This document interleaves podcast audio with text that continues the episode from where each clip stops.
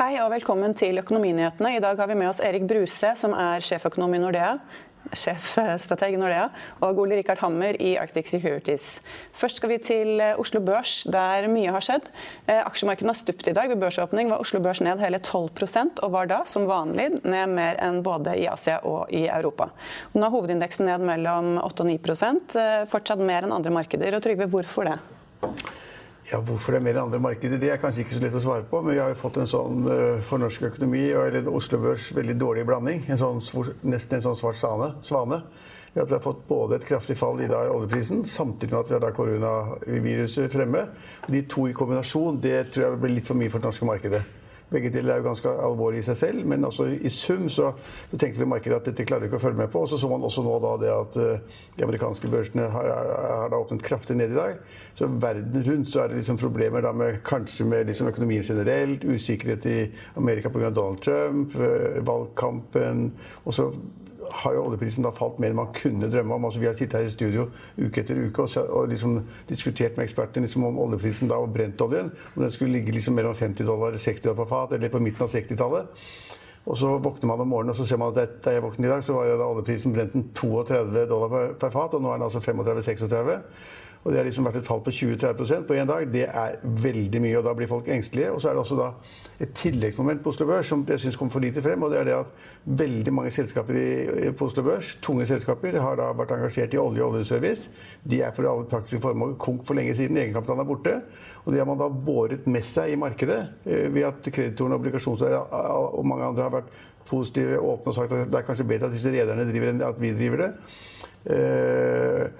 Og, og, og, det at man da på en måte har en serie av selskaper som da på en måte i utgangspunktet ligger dårlig an, og så får man da et fall i oljeprisen. Og da er det iallfall norsk teori er det at øh, jo høyere oljeprisen er, jo større aktivitet blir. Hey, it's Danny Pellegrino from Everything Iconic. Ready to upgrade your style game without blowing your budget? Check out Quince. They've got all the good stuff shirts and polos, activewear, and fine leather goods all at 50 to 80% less than other high-end brands. And the best part? They're all about safe, ethical, and responsible manufacturing. Get that luxury vibe without the luxury price tag. Hit up quince.com slash upgrade for free shipping and 365-day returns on your next order. That's quince.com slash upgrade. Jo mer vil da oljeselskapene være villige til å betale for boring, og jo mer de bores, vil da de engasjere underleverandører til supply-tjenester osv. Dette henger sammen. Og vi, vår teori er da det at høy oljepris er bra. Da er det høyere aktivitet. og Blir det veldig lav oljepris, så skjer det lite. Selskapene sparer, holder igjen på investeringene. Alt blir litt, veksten blir litt lavere. Det er liksom teorien. Og da har vi fått det i dag, med den kraftige, det kraftige fallet i oljeprisen, sammen med da at man ikke vet hvordan det går med viruset hva det betyr. Og vi får stadig nye negative meldinger om det også hver eneste dag. Det er ikke noe som er bedre. Det sies at det er litt bedre i Kina, at det som er stengt ned, er åpnet litt osv. Så, så blir det verre og verre i Nord-Italia, så blir det verre og verre i kanskje USA. Og så blir det også litt verre i Norge. Det kan, man også lure på. Så at Summen av alt dette er jo ikke bra. Og Derfor har Oslo Børs falt 8-10 og vi ser jo da at det er også det skumle, hvis jeg skal få nevne det, det er det, det som folk ser om morgenen, da, når de ser at det er tunge selskaper, store selskaper, viktige selskaper for norsk økonomi, som Equinor og Aker BP, altså store tunge selskaper på Oslo Børs, når de faller 15-20-20-25 så er det liksom sjokk for mange. Og det, og det, er også et sjokk. Det burde være da liksom til ettertanke at de kan falle så mye. Og, og PGS, et slags miksselskap, faller 50 Altså, det, ja, og det selskapet er refinansiert en rekke ganger. at de som er i markedet, de som er aktører i markedet, de som er observatører i markedet, sier at dette blir en elendig dag på Oslo Børs, og den kommer til å vare lenge. Ja, for Før jeg gikk i studio nå, så var Equinor ned 17% Aker BP 26 Subsea 7 21% PGS var ned 40% Aker var ned 20% Har vi sett dette før? Jeg kan ikke huske at jeg har sett en sånn blanding av at liksom alt faller samtidig. Det har jeg ikke sett. Og også det da, Du, du glemte, eller kunne kanskje også tatt med at, eh, at DNB, landets største finansinstitusjon, var jo ned nesten 20 i, i formiddag. Nå er det kanskje ned bare 15% eller 14% ja, For Storebrand faller det, også. Altså, det brede fallet der, krakk i alle markeder, det kan ikke jeg huske. Jeg har sett kanskje bare gjester etterpå husker det, men jeg husker ikke det. Det er alvorlig. Og, og, og oljeprisen som går tilbake til 1991 osv. Det er ja, Vi kunne ikke forutse det, men vi kunne kanskje sett det at man kanskje burde vært ute av markedet. For det var all time high, all time high både i amerikanske markeder, på Oslo Børs, overalt. Og da er det noen som sa at man skulle ta da jetongene fra bordet og gå hjem.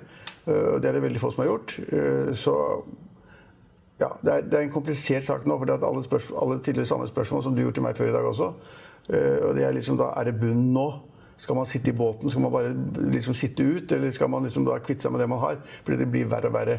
Og åpningen da i USA tyder på at det blir verre og verre der også. Det er altså det er et cellepress som gjør det komplisert. Så jeg, jeg, vil si at Det er råspennende å kommentere og se som økonom og følge med og jobbe med journalistikk og følge med på dette her og skrive om hva som skjer. Men det er jo, det er jo ganske tragisk for mange mennesker. For jeg tror det at nå kommer man til et punkt hvor banker og långivere vil si at dette gidder vi ikke lenger. Altså Nå må vi ta en kutt. Vi kan ikke sitte og vente ti år til på at egenkapitalen i store selskap som Solstad, Doff, Havila Shipping, eh, CM Offshore PGS, altså you name it. Vi kan ikke sitte, sitte, der og tenke at ok, hvis vi bare holder ut i ti år til, eh, så vil vi komme gjennom en krise. fordi at egenkapitalen er borte i så mange selskaper. og Folk regner altfor lite på det og ser ikke på verdiene i balansen. Eh, og hvis man da, Dette blir det, det på en måte ikke gjennombruddet for, men liksom det, grunnlaget for at mange begynner å se på nytt på selskapene, så har vi en lang krise foran oss. Og Erik Bruse, sjefstrateg i Nordea. Jeg var jo nede hos dere i morges da børs, børsen åpnet. Og I forkant da så var du litt usikker. Du tenkte kanskje at det ville falle 5-10% og så ble det 12% Ble du overrasket? Ja, litt overrasket, men uh, det var jo to ting som rammet Norge. Det var generelt dårlige børser pga. koronavirusfrykt. Og så, som Trygve sa, så samtidig så falt oljeprisen Eh, ja, opp mot 30% på det verste som følge av eh, ja, litt koronafrykt for etterspørsel, men først og fremst pga. priskrigen mellom OPEC og Russland. Eh, så, så, ja, det var ikke uventet at Oslo Børs ble hardest strammet av alle børsene. Det var det ikke. Men hva er det som er forskjellen på det vi ser nå og det vi så under finanskrisen? Jeg vil si at hovedforskjellen den gang det var en liksom stor svakhet i det finansielle systemet. Altfor mye risk som ble avdekket eh, eh, som, eh, som, gjorde at finanssystemet stoppet opp. Nå står vi foran tross alt et virus som man regner med ja, det er, det er litt farligere enn en vanlig influensa, men det er ikke sånn dramatisk farligere. Og jeg er litt vanskeligheter for at det skal gi et like stort og langvarig fall i markedene, for å si det forsiktig. Så jeg, jeg tror at dette på et eller annet tidspunkt uh, roer seg ned. Men det er helt klart at akkurat kombinasjonen oljeprisfall og koronavirus, det, det, det, gjør at det slår veldig hardt i norsk økonomi. og Skulle oljeprisen bli liggende på dette nivået, så, så er det vanskelig for veldig mange oljeleverende næringer i Norge. og i USA vil vi også se at, eh, at eh, kredittpåslag kommer til å gå ut kraftig i dag for, som følge av at der er det jo mye shale oil som, som det, nå kommer til å slite. Men det, det, som er problemet, er liksom at man kan tenke seg at man da klarer å gå mot altså virus eller greier, liksom stoppe det, sånn som Kina, eller på en måte hindre det å spre seg videre. kan man tenke seg, Men så vet man ikke når det blir, hvor lang tid det tar. Og så I mellomtiden så stopper alt opp. Altså alt i Det er ikke alt som stopper opp, men liksom, det er halvparten av flyene som tidligere i går, og de halvparten som fulle for halvparten av de prisene de fikk før, det er liksom flyindustrien. Altså Reiselivet går ned. På hotellene så er det slik at liksom, hver dag så kunder eller hvem som helst. De avbestiller da møter og konferanser de skulle hatt. Og så er det ingen som bestiller nytt. Så liksom, På veldig kort tid så blir det liksom da ordrereserven eller det man har igjen, eller de rommene man trodde man hadde fulle, de blir liksom borte. Og det, jo, og det går gjennom hele næringslivet. Altså Det finnes, ja. finnes jo nesten ikke en næringsdrivende i Norge eller i Europa som ikke har en underleverandør som skal levere skruer eller muttere eller en plastdel eller et batteri eller hva det måtte være. Uh, og det det er, henger sammen med denne eh, koronavirusproblemet. Og det stopper ikke. Altså, Businessfolk er nødt til nå å dra i bremsen. Liksom, hva skal jeg kjøpe inn av det? Hvor kan jeg få tak i det? Er det alternative leverandør av det? Og, så, og det bare holder på med hele tiden. Og så skrus virksomheten ned, og det går veldig fort. Og, og, det, og det litt, den, den, realøkonomiske tingen her er mye viktigere enn da den finanskrisen som var. For da var det liksom, som Bruce sier, det var liksom da spørsmål om systemet skulle smelte ned. For det var ikke noe, bankene turte ikke låne penger til hverandre. Og man måtte skaffe likviditet, og det bla, bla, bla. Da visste man hva man skulle jobbe mot. Sentralbankene og landet styrte mot det. Nå vet man nesten ikke hva man skal gjøre. Altså folk, jeg hadde Akkurat når jeg gikk i studio, så var det der med kjente meg som skulle arrangere et seminar for 200 stykker innen eiendom. Eh, og som sa at nå sitter vi bare og lurer på om vi skal kutte ut, for vi regner med at halvparten kommer ikke. Altså Folk tør ikke, gå, tør ikke gå på møter, de gidder ikke gå Nei, men Jeg er helt enig i at kommer å, vi kommer til å se veldig svake økonomiske tall. Vi kommer til å se elendig inntjening og konkursrisikoer i en del næringer. Men vi, jeg må jo tro at liksom viruset etter hvert At folk ikke blir fullt så engstelige som det de er nå. Jeg er usikker på om USA, Storbritannia vil gjennomføre sånne tiltak som Italia har gjort nå. Det virker litt i overkant å, å stenge ned hele områder.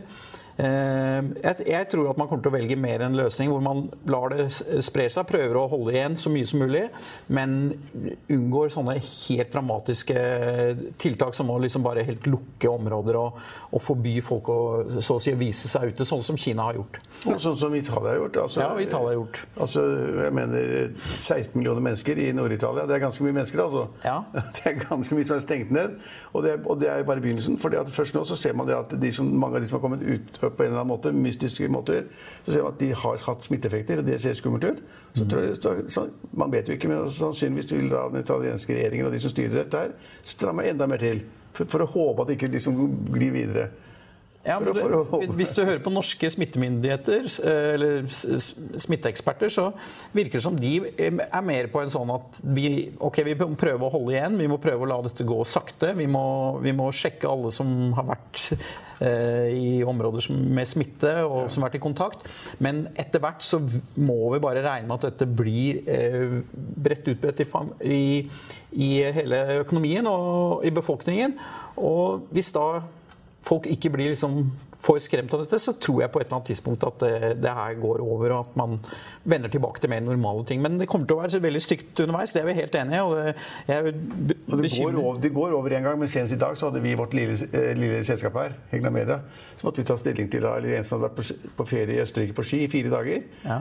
Og det er liksom ikke Italia, men det er ikke langt unna i Alpene. Og da måtte vi ta stilling til om vi skulle si liksom ta, ta 14 dager ute. Mm i, i, altså i, et eller annet sted hjemme eller hvor som helst, men ta 14 dager borte. For vi kan ikke tåle at vi får noen da, smitteeffekter på huset her. Og sånn tror jeg de tenker veldig mange bedrifter. Absolutt. Men på et eller annet tidspunkt så må man jo tenke at ok, nå må vi gå videre. Og det kan vel kanskje skje nærmere sommeren, da, når man har sett at sykdommen har utspilt seg, og så tar næringslivet seg opp igjen, da, eller? Ja, det, det, tror jeg. Jeg tror, at vi, jeg tror at vi Det jeg tror mest på at ja, det blir veldig tøffe tider nå. Det blir trussel om konkurser. Konkurser kan vi se. Folk blir permittert. Eh, men myndighetene kommer til å strekke seg langt til å prøve å kompensere iallfall deler av de næringene som sliter, og spesielt de forbrukerne som, som da blir eh, som mister jobben eller blir permittert. Så vi kommer til å få ekspansiv finanspolitikk, altså mye bruk av offentlige penger over eh, budsjettene.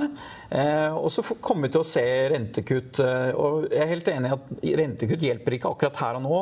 Om folk sitter hjemme fordi de er redd, så hjelper det ikke om renta er kvart prosentpoeng lavere. Men når ting begynner å gå normalt igjen, så vil lavere renter bidra. Så på et eller annet tidspunkt så tror jeg mest sannsynlig at det her vender mer tilbake til normale. Og da om aksjer har falt 10-20% herfra. Det er helt umulig å si. men på et eller annet tidspunkt så, så, så, tror jeg dette stabiliserer seg, at ting kan komme opp igjen. Ja, Da gikk du egentlig over til neste tema som jeg tenkte vi kunne snakke om, og det er jo renten. For det er jo flere banker som nå mener at eh, Norges Bank kan kutte med 0,5 prosentpoeng neste uke. Hva tror du om det? Jeg tror de kutter neste uke. Eh, kanskje bare 0,25. Eh, det kommer helt an på hva vi ser de neste, de, de neste uka. Men, eh, men, at de kutter, det, det tror jeg. Og så kommer de til å signalisere at det blir flere kutt. Eh, men basert på at det, da blir økonomien hardt rammet, og eh, de er veldig forsiktige med å liksom si noe veldig sikkert om hvor rentene skal. Men Norges Bank har rom til å kutte mer, eh, men jeg tror eh, det skal veldig mye til for at vi ser nullrente eller negativ rente i Norge. Eh, Øystein Olsen har vært veldig klar på at på et eller annet tidspunkt så stopper vi rentekuttene, og da er det finanspolitikken som må overta og stimulere økonomien i Norge. Hva tror du, Trygve? Nei, altså Det er komplisert, men jeg er enig, enig at det er, jo, det er jo klart at et rentekutt betyr jo ingenting for det at folks angst eller frykt altså det, Den er der, og den kommer til å være på bedriftsnivå og makronivå. at Det er en utrygghet på hva som skjer fremover. Usikkerhet. og Den vil være der uansett om renten blir satt ned. Så er det også slik at eh, når oljeprisen har falt til 32 dollar fatet, eller 35 i dag, da, så er det så kraftig medisin at det hjelper ingenting om renta går ned kvart prosentpoeng eller en halv prosentpoeng. Ingenting. Da har, vi, da har vi en konflikt mellom liksom OPEC pluss og liksom uh, Saudi-Arabia og Russland og liksom hvor skal oljeprisen ligge og sånn. De, de, kan jo kjøre den oljeprisen under 30 dollar på fat, for kanskje høre etterpå. De kan jo kjøre den ned i 25 eller 27 eller 28 dollar på fat på brettoljen. Og Da hjelper det jo ingenting om man kutter renten. Altså Da er det fundamentalt noe gærent sant, i markedet. Markedsforstyrrelse. fordi at Saudi-Arabia og Russland ikke klarte å bli enige om å kutte produksjonen. Og den som måtte få prisene opp på, er å kutte produksjonen ganske kraftig. Tilbudssiden ned. Det vet alle som sitter her, og det er alle som hører på. Og det vet resten av verden også. Og da hjelper ikke med det rentekuttet. Altså Hvis Norges Bank gjør det, så er det ingen som har noe imot det. Og hvis ting blir litt bedre, så, kan, så hjelper det kanskje at eh, kapitalkostnadene blir litt lavere. Kanskje at husholdningene får litt mer penger mellom hendene. Kanskje, kanskje. Men vi er inne i en helt annen krise nå. Kjempefrykt. Som også kan være reell frykt. som det har, i, altså I Italia er det jo 7000-8000 smittetilfeller og eh, kanskje 300-400 døde. Så det er, det er, noen som har falt fra. Det er ikke spanskesyken og det er ikke svartedauden. Men altså det, er, det er langt flere smittede enn det. Hvis det er 400 døde, så, så, er det, så, er det, veldig mange som har det, som ikke er registrert. Ja. Men, men, vi står for en ganske komplisert situasjon. og jeg tror ja. Norsk økonomi er på en måte mer rammet enn mange andre. for at vi, vi har, det ene, det, ene, er oljesiden, og det andre er da smittesiden. Mm. Og de er samtidig. altså Det er ikke lett å håndtere. Nei, det, det er helt riktig. Men sånn som kronen har jo også svekket seg voldsomt. Den var jo rundt 11 mot euro tidligere i dag. Um, hva betyr det for norsk økonomi? Nei, jeg tror ikke igjen, Hvis det blir en krise internasjonalt, så, så betyr jo ikke litt svakere krone all verden. Men på marginen så er det jo en hjelp for, eh, for norske eksportører med litt bedre inntjening i norske kroner. Eh, så, og iallfall i Norges Banks tankegang så vil dette være en, en, en en sak som liksom gjør at behovet for rentekutt ikke er fullt så, så til stede når, når, krona svekker seg såpass mye. Men det er en effekt som da ikke har stått om noen steder i dag, som jeg syns er ganske alvorlig. Det er jo det at når kronen svekker seg så mye som den har gjort nå, altså 40-50 øre på en dag, det er jo ja, det er ikke det vanlig valutahandel hver dag i hvert fall. Ja. Så vil jo det gjøre det så komplisert å kjøpe varer i utlandet. Det blir jo så dyrt. Altså det det blir så kjempedyrt å kjøre til utlandet så at du kan få en prisvekst på områder du ikke har tenkt på. Enten det er biler, sykler eller klær eller eh, tekstiler. Eller du, kjempe, altså, du kan få en prispørs på, på, på importprisene som er ganske skummel. Så det kan også være veldig skummelt for en del av norsk næringsliv. Ja, eh, men norsk næringsliv som har opplevd eh, kronesvekkelse i denne størrelsesorden før. De har greid å skyve det over i prisene, så det er til syvende og sist forbrukerne som ja, må betale. Men, men, nå får de så mye på en gang. Ja, det, det er helt sant. nå får de mye på en gang. Men Jeg vet ikke helt om det er deres eh, plass, men hva ville ditt råd vært til litt nervøse investorer i dag? Jeg vil, eh, Hvis du er en langsiktig investor som, eh, som sparer i aksjer, så, så, vil jeg si at uh, man burde liksom beholde den vektingen man har. Eh, til syvende og sist så, så, er det normalt med svingninger i aksjemarkedet. Og har du liksom litt lengre horisont, så, så, så, står du gjennom sånne perioder som dette. Det som er faren hele tiden, det er at folk eh, de, holder, de, sitter og holder på aksjer, holder på aksjer, og så, på et tidspunkt har det falt så mye at de ikke orker mer, og så selger de på det som er nær bunnivåer. Så for en vanlig sparer så vil jeg absolutt anbefale å stå gjennom sånne perioder som det her, for du greier ikke å treffe bunner og topper. Så hvis vi kan konkludere det, så er altså Nordea hakket mer optimistiske enn det Trygve Hegnar er. Og da skal vi over til Ole Rikard Hammer, som er senior oljeanalytiker i Arctic Securities. Hei og velkommen til oss. Hei, takk for det. Hei. Oljeprisen har jo stupt siden fredag med rundt 30% i morgentimene i dag. Hvor langt ned skal vi? Ja, Det er et eh, meget godt spørsmål.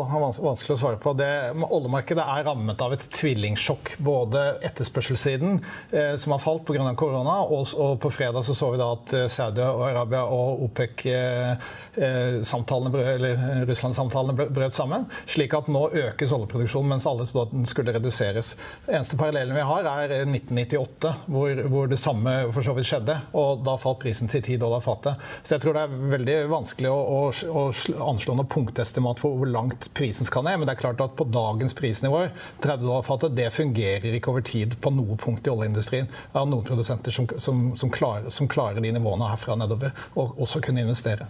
Men det er vel ulike smertegrenser fra de ulike landene? Ja, det er ulike smertegrenser. Og, og type Saudi-Arabia og de fleste OPEC-landene har jo på budsjettsiden eh, en, en, smertegrense som ligger langt over dagens, dagens, nivåer. Og så kommer du ned på, på enkeltselskaper og, og og kan du si, folk som har, hvor, hvor har investert mye penger, hvor mesteparten er, er sunk kost, og, kan du si har drift, du må ned på der hvor driftsutgiftene virkelig begynner å slå inn, og da er du antageligvis gått nede på 20-tallet. Men hvis man ser på um, altså følgene av OPEC, bruddet i OPEC og Russland, um, så pøser jo da Saudi-Arabia ut med masse olje akkurat nå. Men hvor mye olje har de å gå på? Nei, Det er et godt spørsmål. Vårt anslag er eh, Vi vet at de produserer i underkant av 10 millioner fat per dag. Det høyeste de har produsert på noensinne, er 11. Eh, så liksom en million fat per dag eh, har de i hvert fall å gå på. Så har de en, en anslått kapasitet på 12 millioner fat per dag. slik at det, det tror jeg er viktig å ha klart for seg at situasjonen er veldig annerledes nå kontra hvor vi var på f.eks. 80-tallet, hvor kanskje 15-20% av verdens produksjonskapasitet sto i bakken. Nå er, nå er det volumet betydelig lavere. Men på kort sikt så, så kan Saudi-Arabia øke produksjonen med, med en million fat per dag. i hvert fall. Og så har vi Libya, som er ute av markedet med et tilsvarende volum. Og det er pga. politiske årsaker, ikke pga. driftsavbrekk eh, pga. vær- og føreforhold. Eh, og det, er, det, er, ting som kan snu seg veldig veldig fort. Så, så vår, vår, vurdering er at OPEC-produksjonen eh, kan komme opp med kanskje 3 millioner fat per dag i løpet av en to-tre måneder. Eh, det er det samme vi så i, i 2014-15, da vi fikk da priskrasjet ned fra 100 dollar fatet. Eh, og, og, utfordringen er jo at du har ikke noen andre størrelser i oljemarkedet som klarer å justere seg like fort. Men, men det blir jo mye olje i markedet. Altså Tilbudssiden blir jo stor. Altså, ingen, ingen drømte om at skiferoljeproduksjonen skulle bli så stor i USA Nei. som den er blitt. Den er blitt mye større enn alle ekspertene trodde, ja. av forskjellige årsaker. Om det er billigere å produsere, få det ut, det aner ikke jeg, men det er blitt mye mer olje i markedet. Ja. Russland kan produsere masse. De kan bli irriterte sannsynligvis og kanskje nå konkurrere med Saudi-Arabia. Ja. De har jo masse å produsere. Altså Olje er det verdt nok, og vi har snakket om det her i studio mange ganger. Ja. Etters, altså etterspørselstiden er blitt svakere og svakere, og tilbudstiden er stor. Og er, ja. Den, fikk, den fikk man ikke bort uten at man da var kartellvirksomhet og prøvde å regulere den produksjonen. Ja. Og det fikk man altså ikke til. Og, det, og da, da, er vi i limbo. Liksom på, på, kort sikt så, det, så er, kan du godt få enda mer olje ut i markedet. Men, ja. men i en hund, hund, et 100 millioner fat per dag-marked så er liksom 2-3 millioner fat per dag veldig mye på marginen. Men i det store bildet, i forhold til hvor vi kommer fra, så er, så er det faktisk ikke så mye. Nei, men hvis det da, hvis det da forsvinner 2-3 millioner fall på etterspørselssiden ja, hver dag. Det, det, er problemet. Det, og, og det, det, er det jeg sier. At vi, vi har nå et, et tvillingsjokk hvor, hvor ja. etterspørselssiden svekker seg, og det er ekstrem usikkerhet om liksom, kan, den bli en, kan den bli enda verre. Du har sett at I Kina så har etterspørselen kanskje gått ned med 20% 20 i, i, i, i, løpet av første kvartal en periode. Og, og, det er lett å da tenke seg ok, hva hvis det samme skjer i USA og andre steder? Skal verdens oljeetterspørsel ned 20 som er 20 millioner fat per dag? I'll see you in court. Vi sier det ofte litt på spøk, men for deg som driver business, er det aldri moro å innse at du ikke har laget en 100% gyldig kontrakt. Du bør ikke risikere hele firmaet ditt fordi du synes dette med kontrakter er litt stress. En avtale er ikke en avtale. Du kan miste kunder, miste venner, ja, til og med miste inntekter om du ikke lager en skikkelig kontrakt, på alt mulig, egentlig. Men vi vet det er et styr. Kopimaskiner, treg printer og haugevis av papir. Dessuten stoler vi jo på folk her i landet. Det er ofte litt kleint å skulle be om en signatur for alt mulig, ja, for mye av styret handler også om jakten på underskriften. Det finnes en enkel måte å løse dette på, Dukkobit, en trygg, effektiv og get this, gratis måte å sikre seg en god natts søvn pluss en juridisk bindende avtale. Dukkobit-appen har de strengeste sikkerhetskrav i bunn, samt en EU-godkjent og sertifisert teknologi. Framover vil det bli behagelig å spørre du, skal vi skrive under på det, eller? Kom i gang på dokobit.no. Da, da, har vi et marked som, som, er, som er, helt dislokert mellom, mellom tilbud og etterspørsel. Så man kan, man kan lage den type scenarioer, og, og, og, det er det som preger prisen i dag. Men uh, hva skjer videre? Altså OPEC, eh, det er, jo ikke, det er jo ikke bra for noen at oljeprisen er så lav. Noen av de involverte. Det er bra for flyindustrien, som er billig flyfuel. Veldig billig, bra for, for, industrien, det er veldig bra for bilister. Det er, det er, det er bra for noen av kostnadene går ned. Ja, så De som importerer olje, bruker olje, så er dette good good news. Og de 200 og whatever 1000 som fikk ny jobb i USA i, i, i forrige måned, og som nå har 10-15% billigere bensinpris, syns dette er, er, helt supert. Ja. Men, men, men dette, dette, merkes som jeg sier, i produksjonskjeden hele veien. Og, øh, og, og, det, og det, vil, det, vil, slå inn gjennom, gjennom, reduserte investeringer. Og det som er forskjellig i forhold til 2015 og den forrige oljepriskrisen, det er jo at nå er vi, nå er vi øh, i slutten av altså en investeringsnedgang allerede fem år bak oss, og så kommer et nytt prisfall. Mens vi for fem år siden var på en investeringsopptur. Så nå har vi ikke noen støtputer igjen i systemet før det slår på tilbudssiden, så det kommer til å merkes der ganske raskt. Men hvis vi ser på sånn som Under oljekrisen i 2014-2015 så fikk man jo strammet inn, selskapene fikk strammet inn sånn at kostnaden ble lavere og lønnsomheten slo inn på et lavere punkt. Da.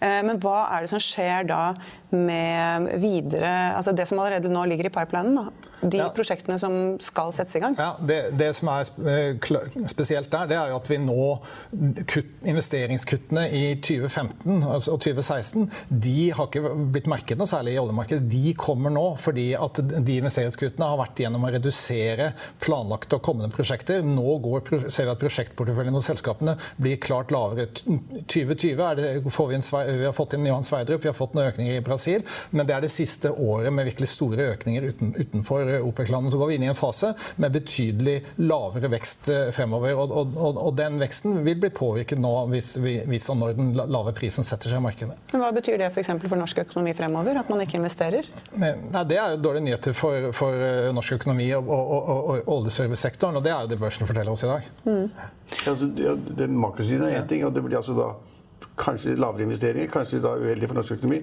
Kanskje færre sysselsatte i ja. Rogaland og Stavanger eller hvor det måtte være. Eh, så det er jo et, et, klart problem. Men det som jeg var inne på i innledningen i dag, da, det er kanskje et større problem egentlig enn makrosiden ved det, det er det at liksom, dette får så kjempekonsekvenser for enkeltselskaper ja. i enkeltbransjer, enten du er supply eller du er i seismikk eller hva det måtte være interessen for å leie disse tjenestene og betale en rimelig bra pris for det, mm. blir jo lavere når oljeprisen er så lav. Ja. Så det vil slå ut da på enkeltselskaper, og det vil slå ut på en sektor som står veldig svakt allerede. Ja. Og den står svakt, og den kommer til å stå svakt. Og da, og da er det jo ganske spennende å se hva skjer da fremover. Altså Hvordan vil hele den der sektoren oljeservice, olje, hvordan vil den bli påvirket av at oljeprisen er så lav? Ja. Og kanskje enda lavere? Og da får vi store problemer i norsk økonomi. Da får vi kjempeoverskrifter om alt er fælt, og folk mister jobben, og selskapene går konk osv. Uh, og eierne må tape det de har inne. og det, det bør de gjøre også. Mye mer enn de har gjort i dag. Og da, liksom, da, begynner liksom bankene, finansinstitusjonene og obligasjonseierne å liksom bli urolige. Så vi har, den, der, den ene er makrosiden, og den andre siden er den der mikrosiden, hvor da selskapene får da resultater Eller de blir påvirket veldig negativt av en veldig lav oljepris. Mm.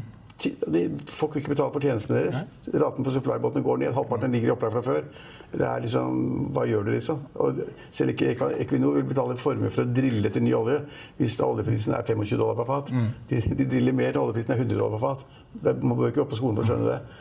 Så vi er inne i et ganske ulendt og skummelt lende akkurat nå. Men altså, Det er jo da Norge, det norske markedet, men også f.eks. USA, som er verdens største produsent. Ja. Hva betyr det for dem at oljeprisen er så lav? Betyr det da at de kanskje heller ikke setter i gang med prosjekter? Ja, altså jeg tror USA det er veldig todelt. Hvis du ser på president Trump, så, så har han signalisert at han er mer fornøyd dess lavere prisen er. Og, og, USA er jo en, fortsatt verdens suverent største konsument av olje, så det er gode nyheter. Men når det gjelder produksjonssiden, hvor de nå har blitt verdens største produsent også, så tror jeg situasjonen stiller seg helt annerledes. Og vi har sett i løpet av det siste året en, en ganske kraftig endring i kapitalmarkedets holdning til amerikansk skiferolje, uh, hvor, hvor, da investeringene har, har gått ned. Uh, og alle, alle, in, si, alle, alt det som driver produksjonen i USA, peker nedover. Du bruker færre rigger, du borer etter mindre olje, du ferdigstiller færre brønner osv. Derfor er også produksjonsveksten avtatt kraftig. Neste skritt nå tror vi er at produksjonen begynner å falle. I, i 2015 så, så du i løpet av tre måneder etter at det var klart at nå setter Saudi-Arabia alt inn for å få lavere oljepriser. I løpet av tre måneder så, så var, eh, så var riggetterspørsel og, eh, og, og, eh, brønnboring tatt kraftig ned, og produksjonen begynte å falle.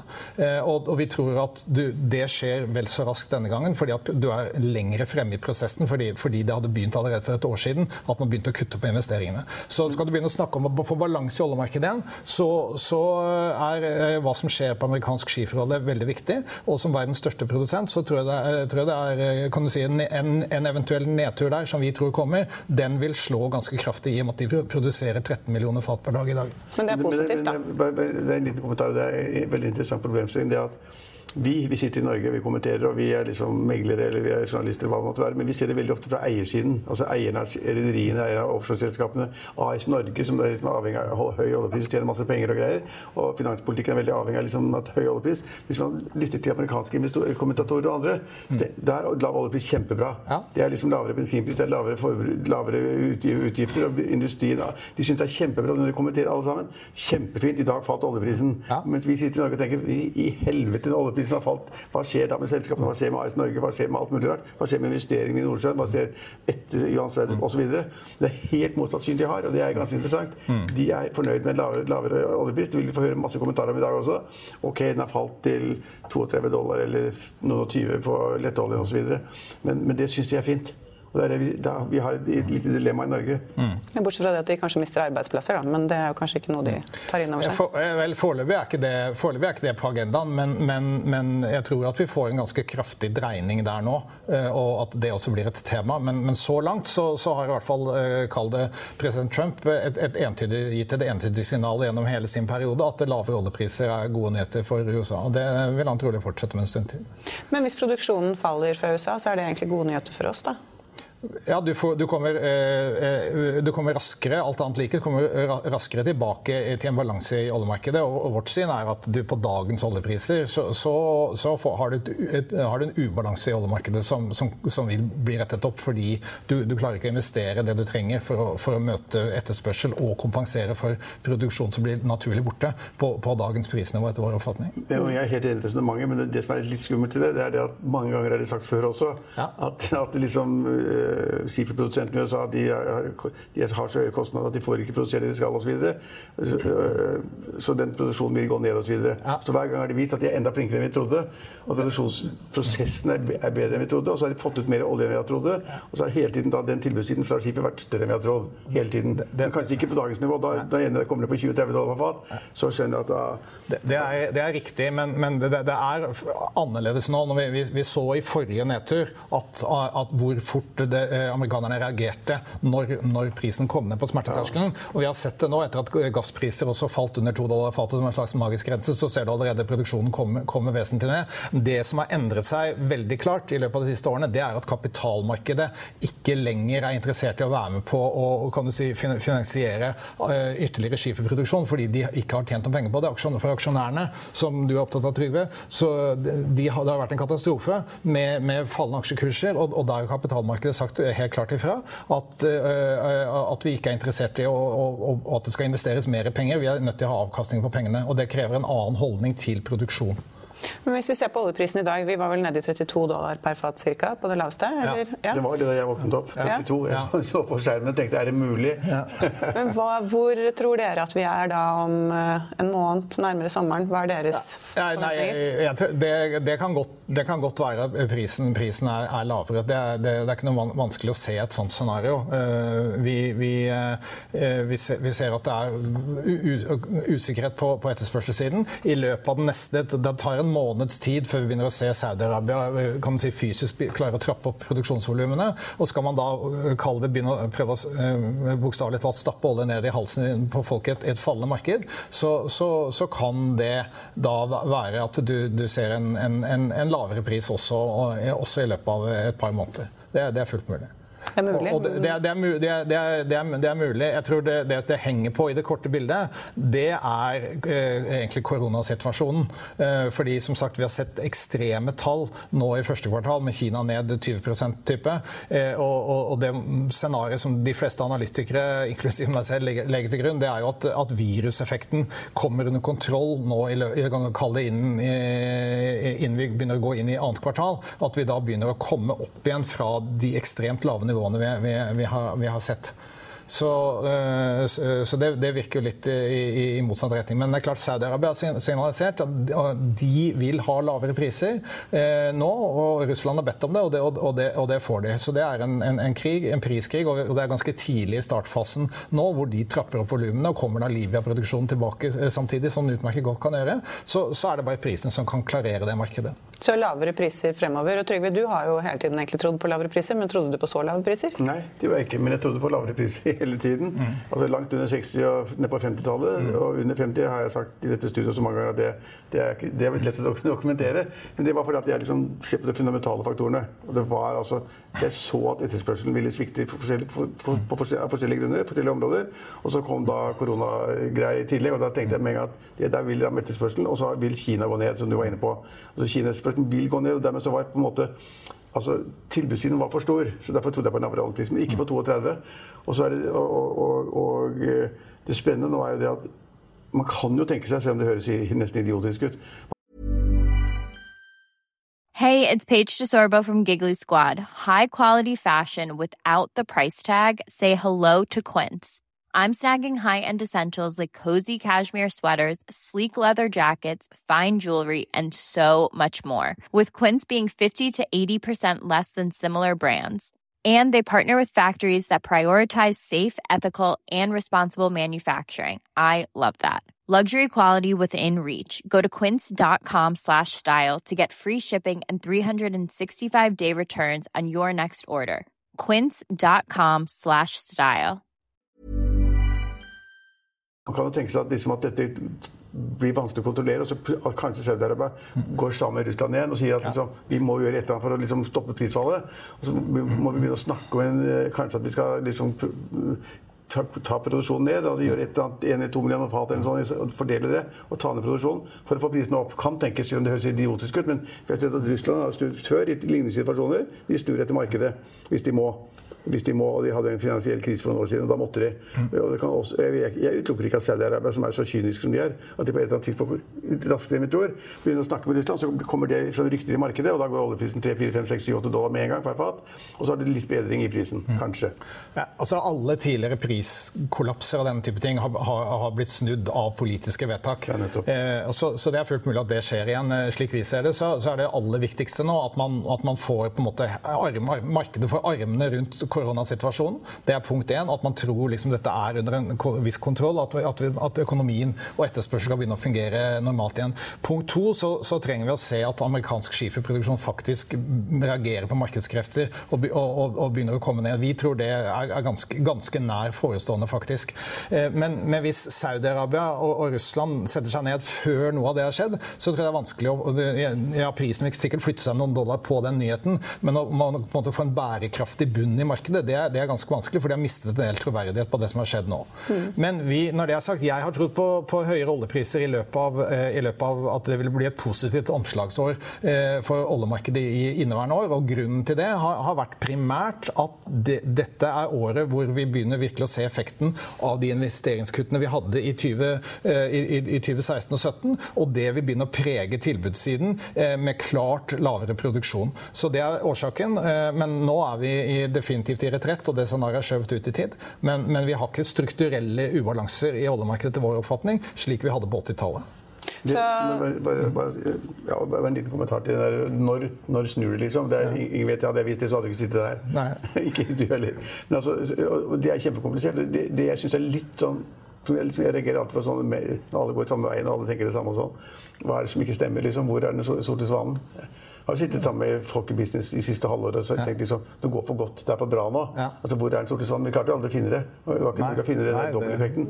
Men, men, men, men jeg, nå, nå, tror alle liksom at man får kontroll med det. Man fikk kontroll i Kina, man får kanskje kontroll i Italia, man får kanskje kontroll i Østerrike eller Frankrike eller Tyskland eller Norge eller hva som helst.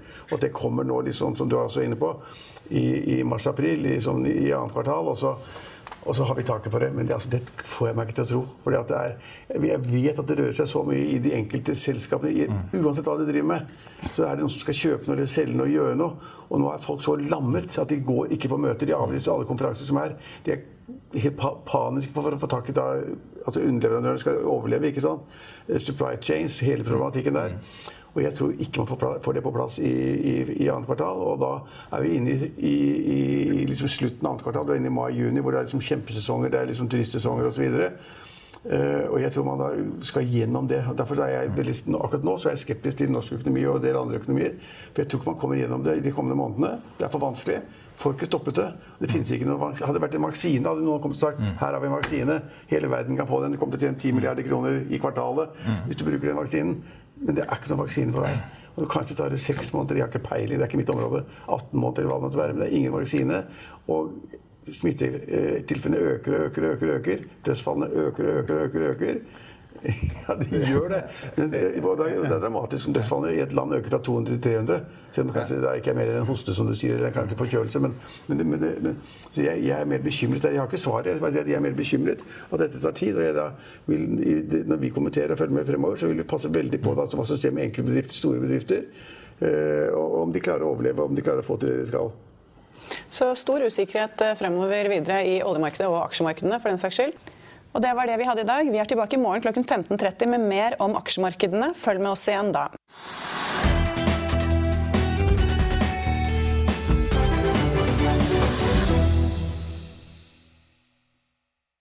Økonominyhetene er en podkast fra Finansavisen. Programledere er Marius Lorentzen, Stein Ove Haugen og Benedikte Storm Bamvik. Produsenter er Lars Brenden Skram og Bashar Johar. Og ansvarlig redaktør er Trygve Hegnar.